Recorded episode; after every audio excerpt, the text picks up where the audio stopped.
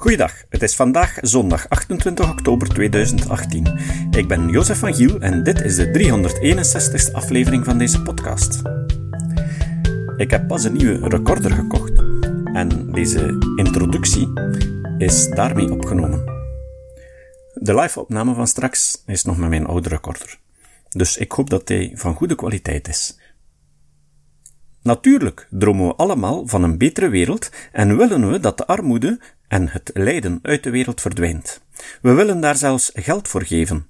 Maar de vraag is of onze inspanningen ook effectief doen wat we willen dat het doet. Stijn Bruurs houdt zich al een tijdje met dat soort vragen bezig en richtte dan ook de Vlaamse poot van de organisatie Effectief Altruïsme. Deze organisatie onderzoekt met wetenschappelijke methodes de effectiviteit van liefdadigheidsinstellingen en vertelt je wat het effect is als je aan een bepaalde organisatie, ik zeg maar wat, 100 euro schenkt. Onlangs schreef Stijn hier een boek over met als titel Beter worden in goed doen. Wij waren op de boekvoorstelling en mochten zijn voordracht opnemen. Vandaag horen jullie het eerste deel van Beter worden in goed doen.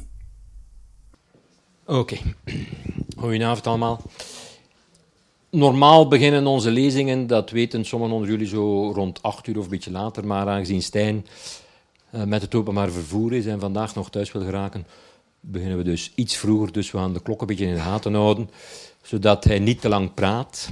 Dus ik ga ook niet te lang praten dan heeft hij meer tijd. En uh, er moet ook nog wat tijd zijn voor het uh, signeren van uh, zijn boeken, dus door Stijn zelf. En de logica zegt natuurlijk, alvorens een boek gesigneerd wordt, moet het dus eerst aangekocht worden. dat kan geen probleem zijn. Er liggen er daar achteraan, hij heeft er een aantal mee. En normaal kost het 25 euro, maar vanavond is het maar 20 euro. Dus het is al bijna kerstdag.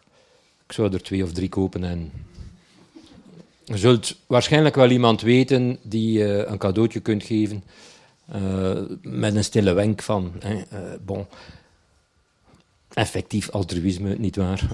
dat kan misschien wel voor de meeste mensen nuttig zijn. Hè? Dus daarover gaat het vanavond. het is Stijn zijn zoveelste boek ondertussen. Ik ben de tel wat kwijtgeraakt. Maar hij heeft er eentje geschreven over morele illusies. Dus uh, mensen denken soms uh, dat iets moreel beladen is, terwijl het eigenlijk helemaal neutraal is. Mensen hebben ook morele blinde vlekken. Ze zien bepaalde dingen niet als moreel beladen, terwijl ze dat wel zijn. Uh, een, een, voorbeeld daarvan is, hoewel dat misschien wel een beetje begint te veranderen, maar toch, dat wat op uw bord ligt, hè, smiddags, ochtends, s avonds. veel mensen staan daar niet zo bij stil. Maar daar zit vaak ja, nogal wat moreel beladen ellende achter natuurlijk. Uh, of denk aan de kleren die u draagt uh, enzovoort. Hè. Uh, dus Stijn houdt zich wel bezig met de serieuze zaken. Dat is ook niet zo verwonderlijk, want hij heeft een achtergrond in fysica en moraalwetenschappen. Ehm, ik heb Stijn leren kennen toen hij een promotor zocht voor een doctoraat in de moraalwetenschappen. En ik mocht dan die promotor zijn. maar daarvoor had hij al een doctoraat in de fysica. dus je begrijpt, ja dat is niet de eerste de beste. Hè. En dat blijkt dus ook wel uit die boeken. En ik denk ook uit dat laatste boek nu, dat vandaag, het is, het is recent gepubliceerd, wordt voorgesteld. Uh, er is de laatste tijd wel een en ander te doen over effectief altruïsme. U heeft daar misschien van gehoord, dat wordt zo stilaan een, een begrip. Hè. Uh, de Australische filosoof Peter Singer gebruikt het ook, en dus wereldwijd verspreidt zich dat wel. Ik denk dat daar grote nood en behoefte aan was en aan is, omdat de meeste mensen willen wel het goede doen maar we staan er zelden bij stil wat dat dan precies betekent. En dan kun je denken, ja, bon, als ik een dakloze zie, dan geef ik iets. Voilà, ik heb het goede gedaan. Uh, of ik doe vrijwilligerswerk voor het een of het ander. Of ik stort wat geld voor 11, 11, 11 en, ga zo maar door. En dat is allemaal wel goed. Hè. Maar het loont toch de moeite om daar uh, een beetje afstand van te nemen en eens na te denken. Eh, doe ik dat hier wel op een rationele manier en is dat wel effectief? En, en wat dat betekent is dat u zich bijvoorbeeld afvraagt, goed, Stel uh, dat u twee uur per week voor een of andere organisatie werkt uh, die die soep uitdeelt aan daklozen. Bon, dat klinkt allemaal heel positief. Maar misschien is het beter om die twee uur te besteden aan een briefschrijfactie van Amnesty International. En als je maar twee uur hebt, ja, dan moet je kiezen. En dan moet je dus gaan nadenken over de vraag, ja, wat zou ik hier eigenlijk het beste doen? Wat is er het meest nuttig? Je wil natuurlijk ook niet de altruïst uitgangen voor doeleinden die dan eigenlijk niet eens nuttig zijn. Uh, je kunt misschien in een morele illusie leven, wat je eigen goed doen betekent. Dus als je daar een beetje begint over na te denken, wordt dat al snel een zeer uh, complexe kwestie. En ik ben blij dat, uh, dat Stijn daar zijn scherpzinnig vernuft op heeft losgelaten. En de soms hele technische wetenschappelijke literatuur uit de morele psychologie enzovoort. Voor ons heeft in mensentaal heeft uitgelegd en geduid en, en besproken in zijn nieuwste boek. Normaal dus 25 euro.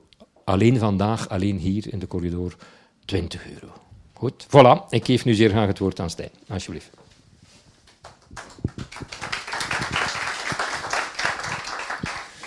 Oké, goed. Goedenavond iedereen.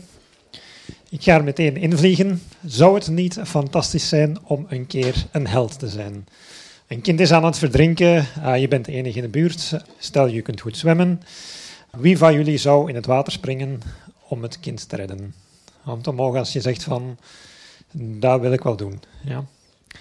Probeer je dan een beetje voor te stellen wat voor gevoel dat, dat zou geven om een keer dat kind te redden. Jij bent de enige die dat kind heeft gered.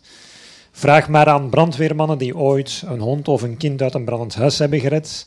Wat is de meest ingevende ervaring van uw leven? Als ze op een sterfbed liggen of zo. Um, vaak gaan ze zeggen van, ja, die keer dat ik echt een leven heb gered.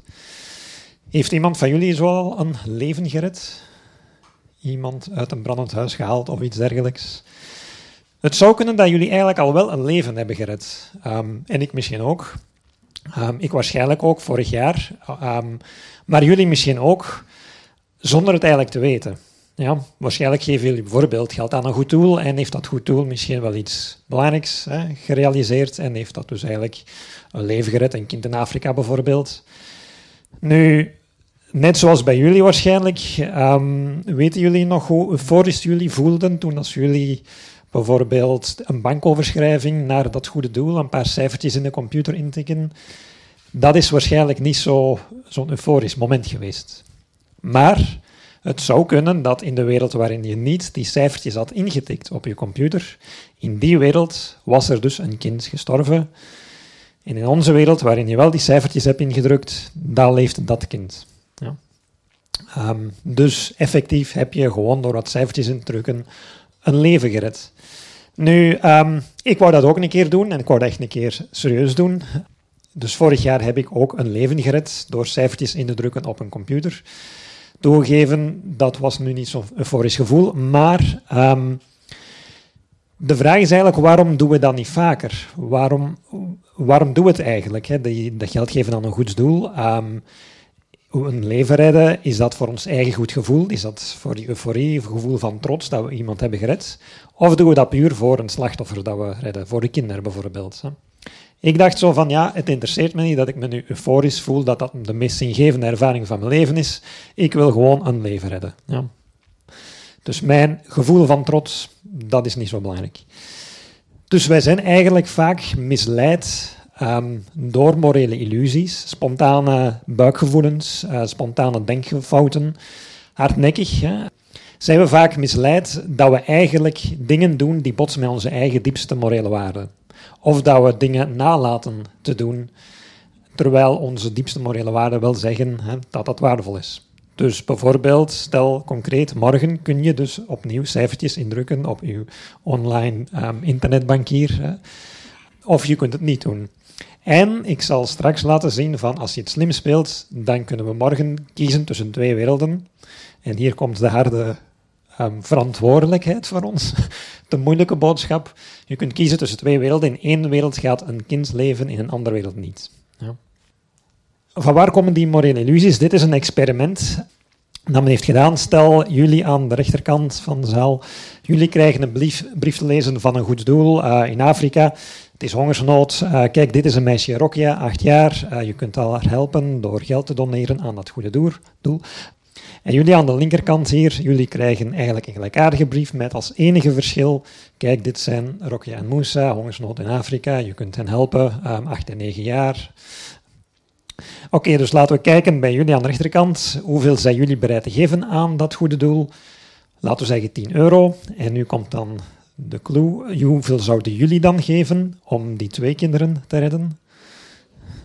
Je zou eventueel zeggen, twee kinderen, dat is dan 20 euro, maar dan kun je misschien tegenwerpen van, maar als je niet dubbel zoveel geld hebt, hè, dan, gaat dat niet. Dus um, als je echt maar maximum 10 euro hebt, dan zou je 10 euro geven.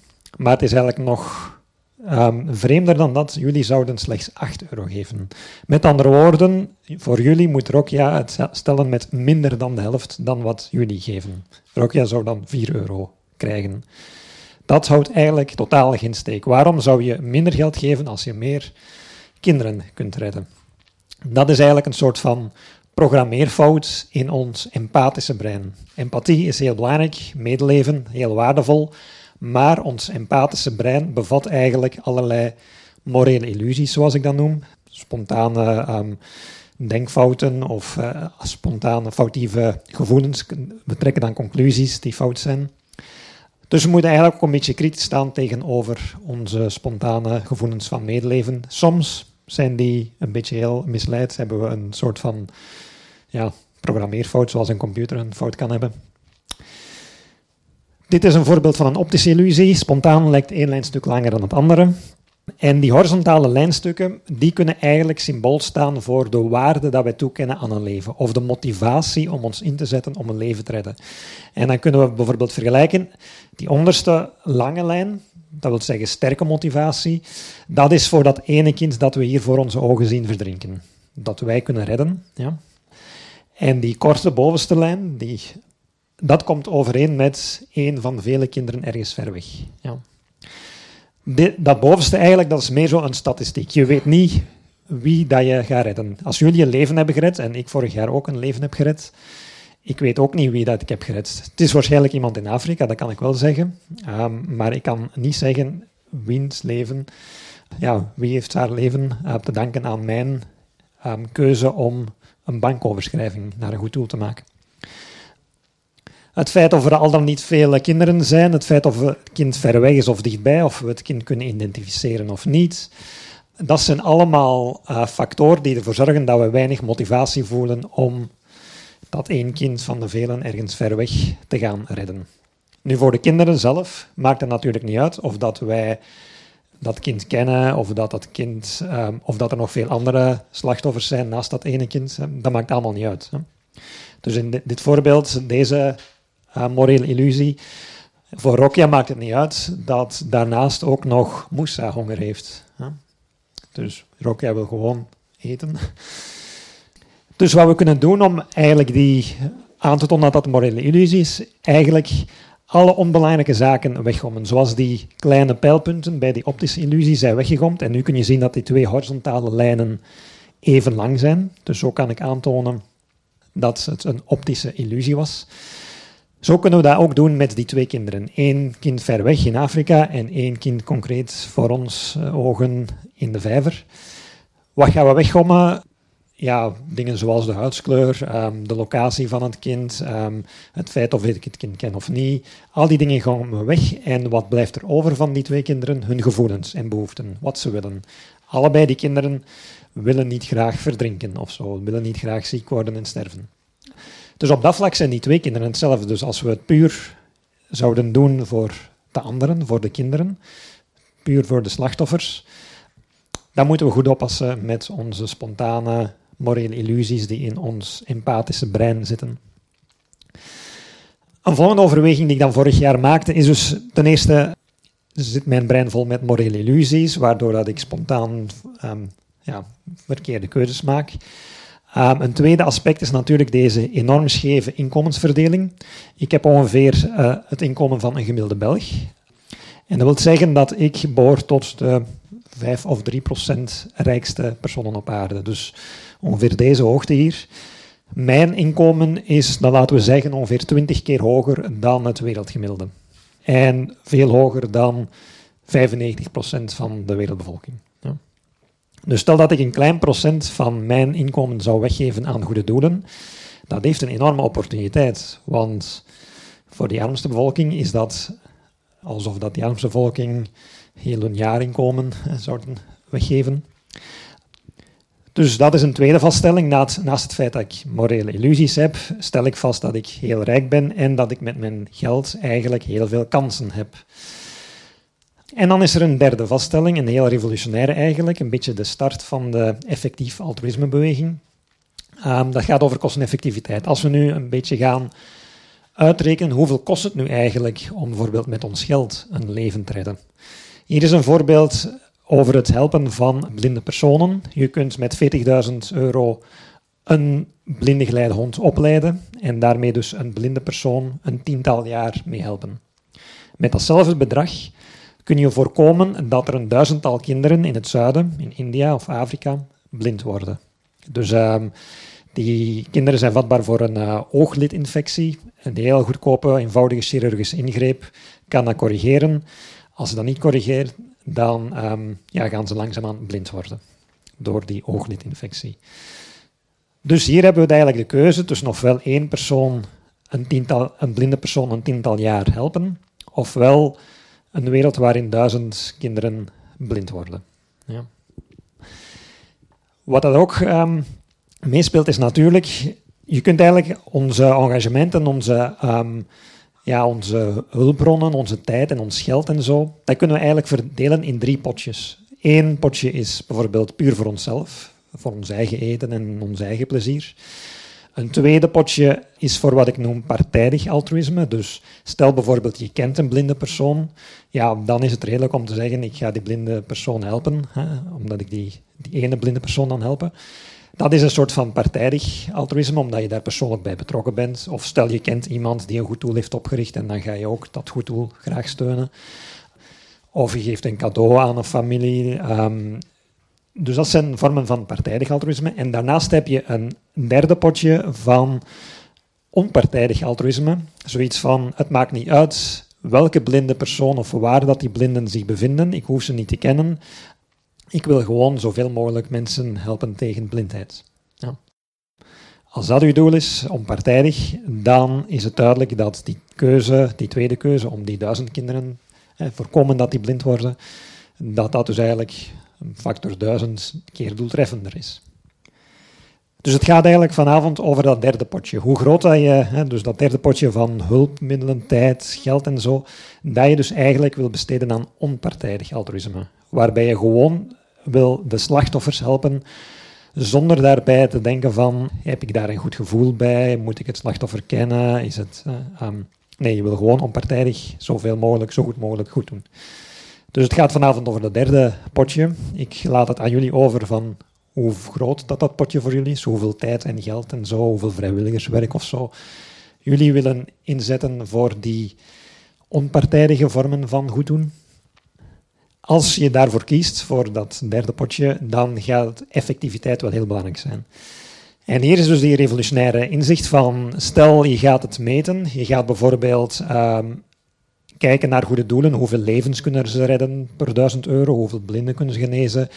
Uh, de onderwijsmogelijkheden in scholen, in Afrika bijvoorbeeld. Hè.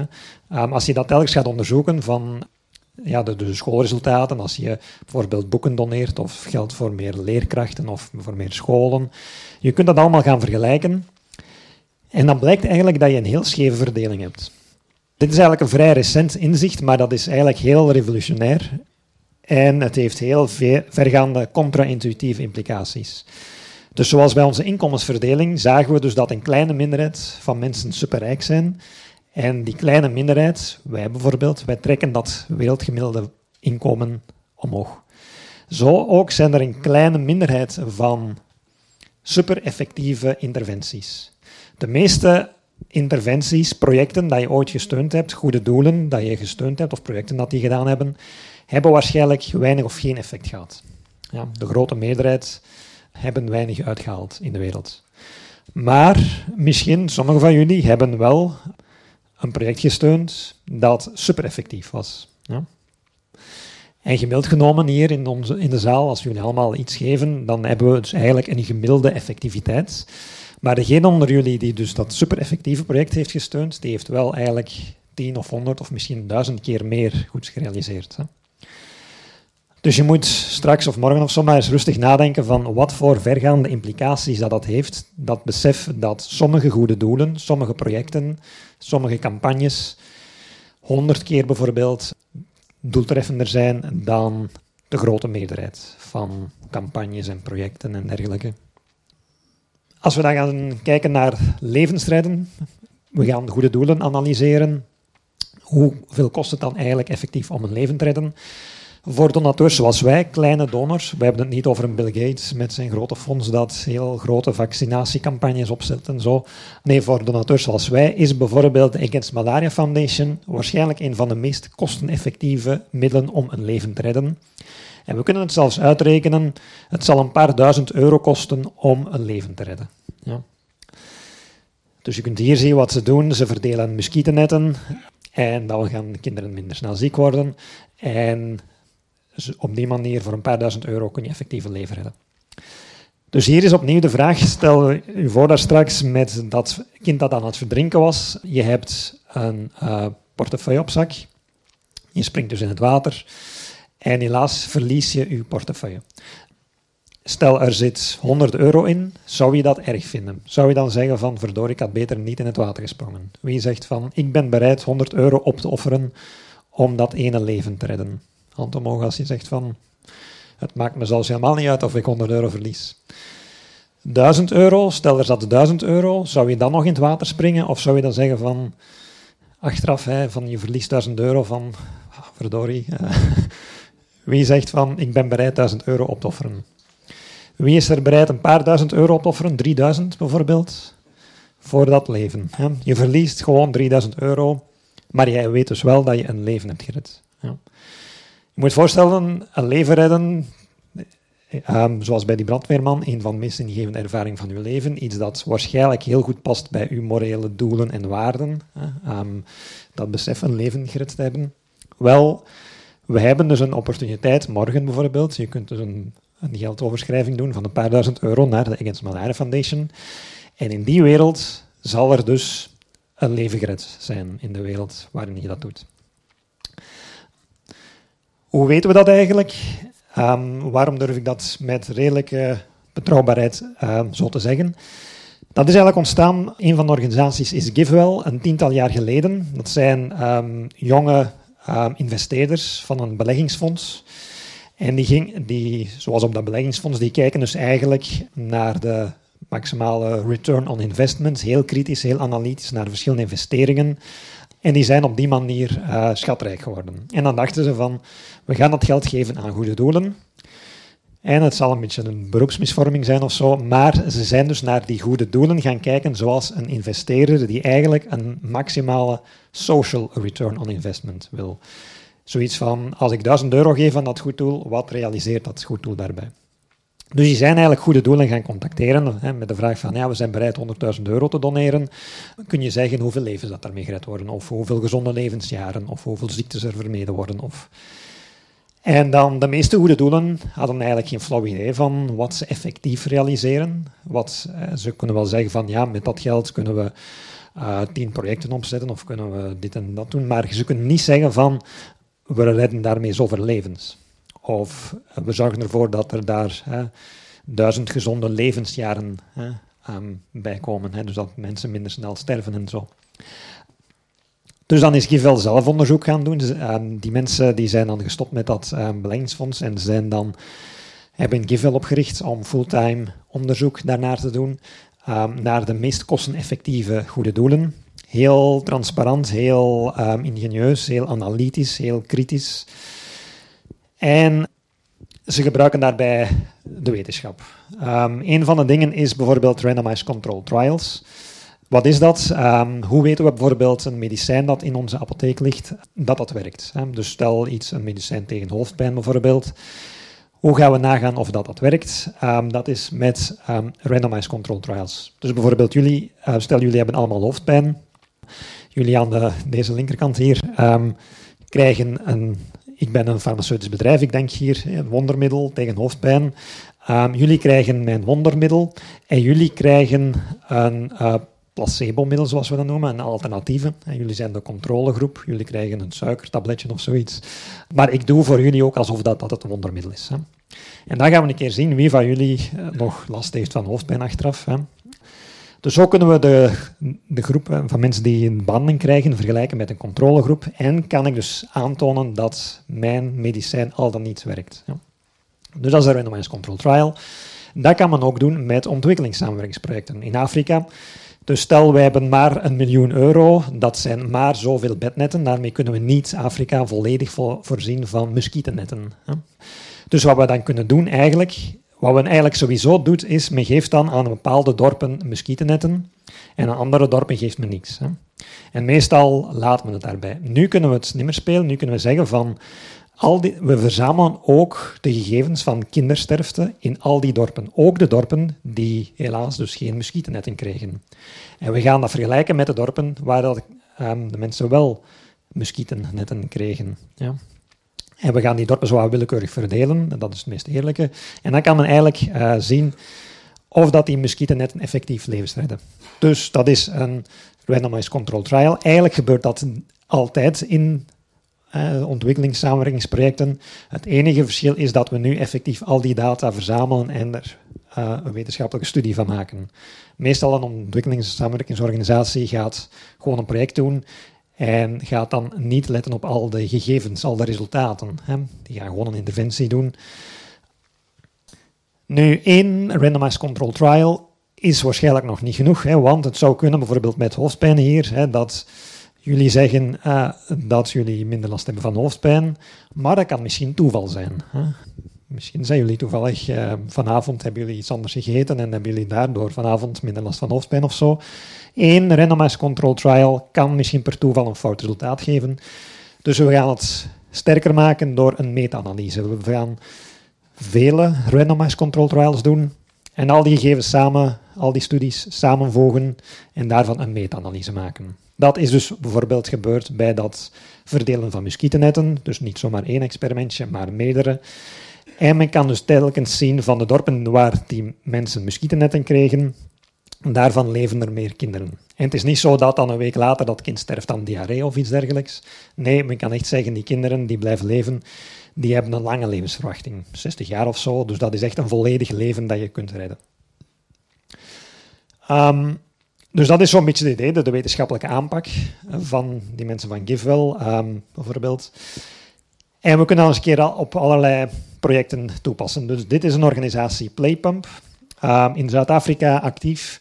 Hun idee was, um, wij hebben een draaimolen waar kinderen op kunnen spelen. en tegelijkertijd is die draaimolen ook een waterpomp. Dus dan heeft het dorp bronwater. Ja. Dus... Uh, een mooie win-win situatie. De kinderen kunnen spelen en automatisch krijgen ze drinkwater. Wie van jullie zou een dergelijk project willen steunen? Hand omhoog als je denkt van de grote meerderheid. Dus um, een mooi verhaal, maar opnieuw denk aan uh, het, onze morele illusies en zo. Mooie verhalen zijn daarom niet altijd de goede realiteit. Onder andere een rapport van UNICEF en andere organisaties hebben aan het licht gebracht dat dit project eigenlijk misschien zelfs meer kwaad dan goed doet. Ja. Omwille van allerlei redenen. Dus ten eerste, um, als kinderen op spelen, het zou kunnen dat die kinderen hun been breken en dan moet je daar ook die kosten van mee rekening brengen. Wat er in de praktijk vaak gebeurt, is dat het, de draaimolen niet zo goed ronddraait. En dan worden de kinderen het beu om te spelen. En dan moeten de ouders eraan gaan draaien om dan water op te pompen. Maar dat was een gewone handpomp veel uh, effectiever geweest, sneller geweest en goedkoper geweest. En ja, dus als je al dat soort van neveneffecten mee rekening brengt, dan eigenlijk zou je kunnen zeggen, per euro dat je daarin investeert, verliest dat dorp meerdere euro's. Ja. Dat is zoiets als bij dat hoofdpijnmiddel dat ik hier heb. Hè, daar moet je ook altijd de neveneffecten mee rekening brengen. Ik kan wel zeggen van ja, dit hier, dat, je krijgt er geen hoofdpijn meer van, maar je krijgt er wel diarree van. Hè. Dus is het dan een goed middel? Daarom nog niet. Een andere organisatie is Give Directly. Dus wat zij doen is bijvoorbeeld met eh, Google satellietbeelden gaan kijken naar uh, rond de steden in Ethiopië bijvoorbeeld, de huizen, de hutten die geen uh, sterk dak hebben, die geen metalen dak hebben, die nog een rieten dak hebben. Dat zijn waarschijnlijk de armsten in die bevolking. Hè? Wat die mensen wel hebben, is een gsm of een betaalkaart, een simkaart, ja, een gsm-kaart. En in Afrika kun je uh, met zo'n um, gsm-kaart ook betalingen verrichten. Ja, um, daar is dat gebruikelijk. Dus wat men kan doen is, men, men zoekt de locaties van de mensen die dus geen sterk dak hebben. En daarvan traceert men hun gsm-kaartnummer. En ze krijgen op een gsm-kaartrekening een bedrag gestort. Gewoon out of the blue krijgen ze een bedrag en ze mogen ermee doen wat ze willen. Ze mogen het ja, besteden aan alles wat ze kunnen besteden: drugs, alcohol, whatever, wapens. ze mogen er gewoon mee doen wat ze willen. Um, geen enkele controle meer. Wie zou een dergelijk project willen steunen? Hand omhoog, eentje. Niemand anders die denkt van dit is een sterk goede manier om armoede te bestrijden. Het blijkt eigenlijk opnieuw door meta-analyses van randomized control trials dat dit een van de meest effectieve manieren is van armoedebestrijding. Ja. Ten eerste is het dus niet zo dat die mensen dat gaan uitbesteden aan alcohol of tabak of whatever. Wat er gaat gebeuren is, wat je snel ziet gebeuren is, ze gaan alvast een ehm, deel van dat geld besteden aan een nieuw sterker dak. Zodanig dat ze niet elk jaar dus die kosten daarvan hebben. En dan misschien een naaimachine. Hè? En dan kunnen ze een klein bedrijfje opstarten of zoiets om uh, kleding te maken. En op die manier geraken ze het snelst uit een armoedespiraal. Ja?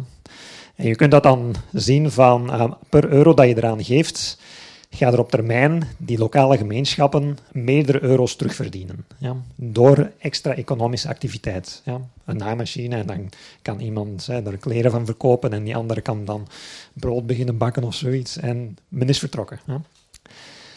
Dit eigenlijk, Give Directly is een van de topaanbevelingen naast de Against Malaria Foundation van GiveWell. Dus je kunt als je graag een goed doel wil steunen, tegen de kerstperiode of zo, hè, Elk jaar geeft GiveWell top aanbevelingen aan van kijk, dit zijn de top drie goede doelen waarvan we denken dat die op deze moment het effectiefste geld van donateuren zoals wij kunnen omzetten in een positief resultaat. In gezonde levensjaren, armoedebestrijding, um, levensredden, schoolresultaten bevorderen. Iets dat je belangrijk vindt, kunnen, dan kunnen zij zien van dit zijn de effectiefste goede doelen op dat vlak. En GiveWell, zoals een goede investeerders, eigenlijk niet getrouwd aan een goed tool. Ze zijn bereid om, als er nieuw bewijs is dat een ander goed tool beter is, om dan gewoon een ander advies te geven. Om, zoals bij een investeerder die zegt van dit bedrijf dat um, rendeert niet meer zo goed, een ander bedrijf is hoopgevender, dus we gaan gewoon verschuiven. Hè. Um, dat is iets anders als je zelf een bedrijf hebt opgericht, bijvoorbeeld, en het blijkt dat dat niet goed rendeert, dat bedrijf, dan ben je niet zo snel geneigd om te zeggen van ik ga iets anders doen. Je bent een beetje in een doodlopend straatje en je hebt de neiging om daarin te blijven zitten. Um, zo ook bijvoorbeeld bij Playpumps. Dus die organisatie bestaat nog steeds, ondanks het bewijs dat het schadelijk kan zijn. En typisch natuurlijk ook de mensen die dat, die projecten um, uitvoeren en zo, die organisatie. Vaak gaan zij dus ook dat onderzoek ontkennen gaan zeggen van ja, maar je moet het betere plaatje bekijken en hè, het is een, een, een symboolproject en, en het heeft andere positieve neveneffecten. En, maar eigenlijk kunnen ze dat niet hard maken. Ze proberen eigenlijk gewoon smoesjes te verzinnen om dat wetenschappelijk bewijs dat tegen hen, tegen hun project spreekt, te ontkennen. Volgende keer neemt Stijn ons mee in een ander gedachten-experiment en maakt hij ons warm voor dierenwelzijn. Het citaat. Het citaat van vandaag komt van Steven Pinker. Pinker is cognitief psycholoog en taalkundige. Hij schreef enkele heel belangrijke boeken, waaronder The Blank Slate, waarin hij de mythe doorbreekt dat een kind een ongeschreven blad is. The Better Angels of Our Time, waarin hij de mythe van de goede oude tijd doorbreekt, en onlangs Enlightenment Now, waarin hij het belang van de verlichting in onze tijd aanstipt. Hij komt dit jaar als keynote speaker naar de Nacht van de Vrijdenker in Gent. Pinker zei: Natuurlijk zijn er problemen. Armoede is er daar één van. Onrechtvaardigheid ook. Ongelijke maatschappijen zijn maatschappijen waarin de rijken te veel macht hebben. Maar het echte probleem is hoe je het democratische systeem intact houdt en voorkomt dat de rijken te veel invloed krijgen. Tot de volgende keer. Deze podcast is het resultaat van het werk van veel mensen. Rick de Laat verbetert bijna al mijn teksten en maakt de meeste vertalingen. Emiel Dingemans verzorgt onze website en Facebookpagina. Ook Leon Korteweg en Stefan Sutens schrijven, vertalen of verbeteren soms artikelen. Leon onderhoudt bovendien het YouTube-kanaal van deze podcast. De muziek van de intro en de trailer heeft Nick Lucassen geschreven en soms maken we ook gebruik van muziek van Ad van Nederpelt, die ons zijn prachtige composities ter beschikking stelt. Dit was de podcast Kritisch Denken. Vergeet niet om alles kritisch te behandelen, ook deze podcast. Voor verdere informatie over deze podcast, links en voor de tekst, surf naar www.kritischdenken.info. Als je deze podcast belangrijk vindt, kun je me steunen door anderen warm te maken ook eens te luisteren. Stuur een e-mail naar vrienden met een link naar de website en plaats de link in de handtekening van je e-mails. Tevens kun je op iTunes deze podcast een beoordeling geven of een recensie schrijven. Of je kan op je eigen website of blog een link naar kritisch denken plaatsen.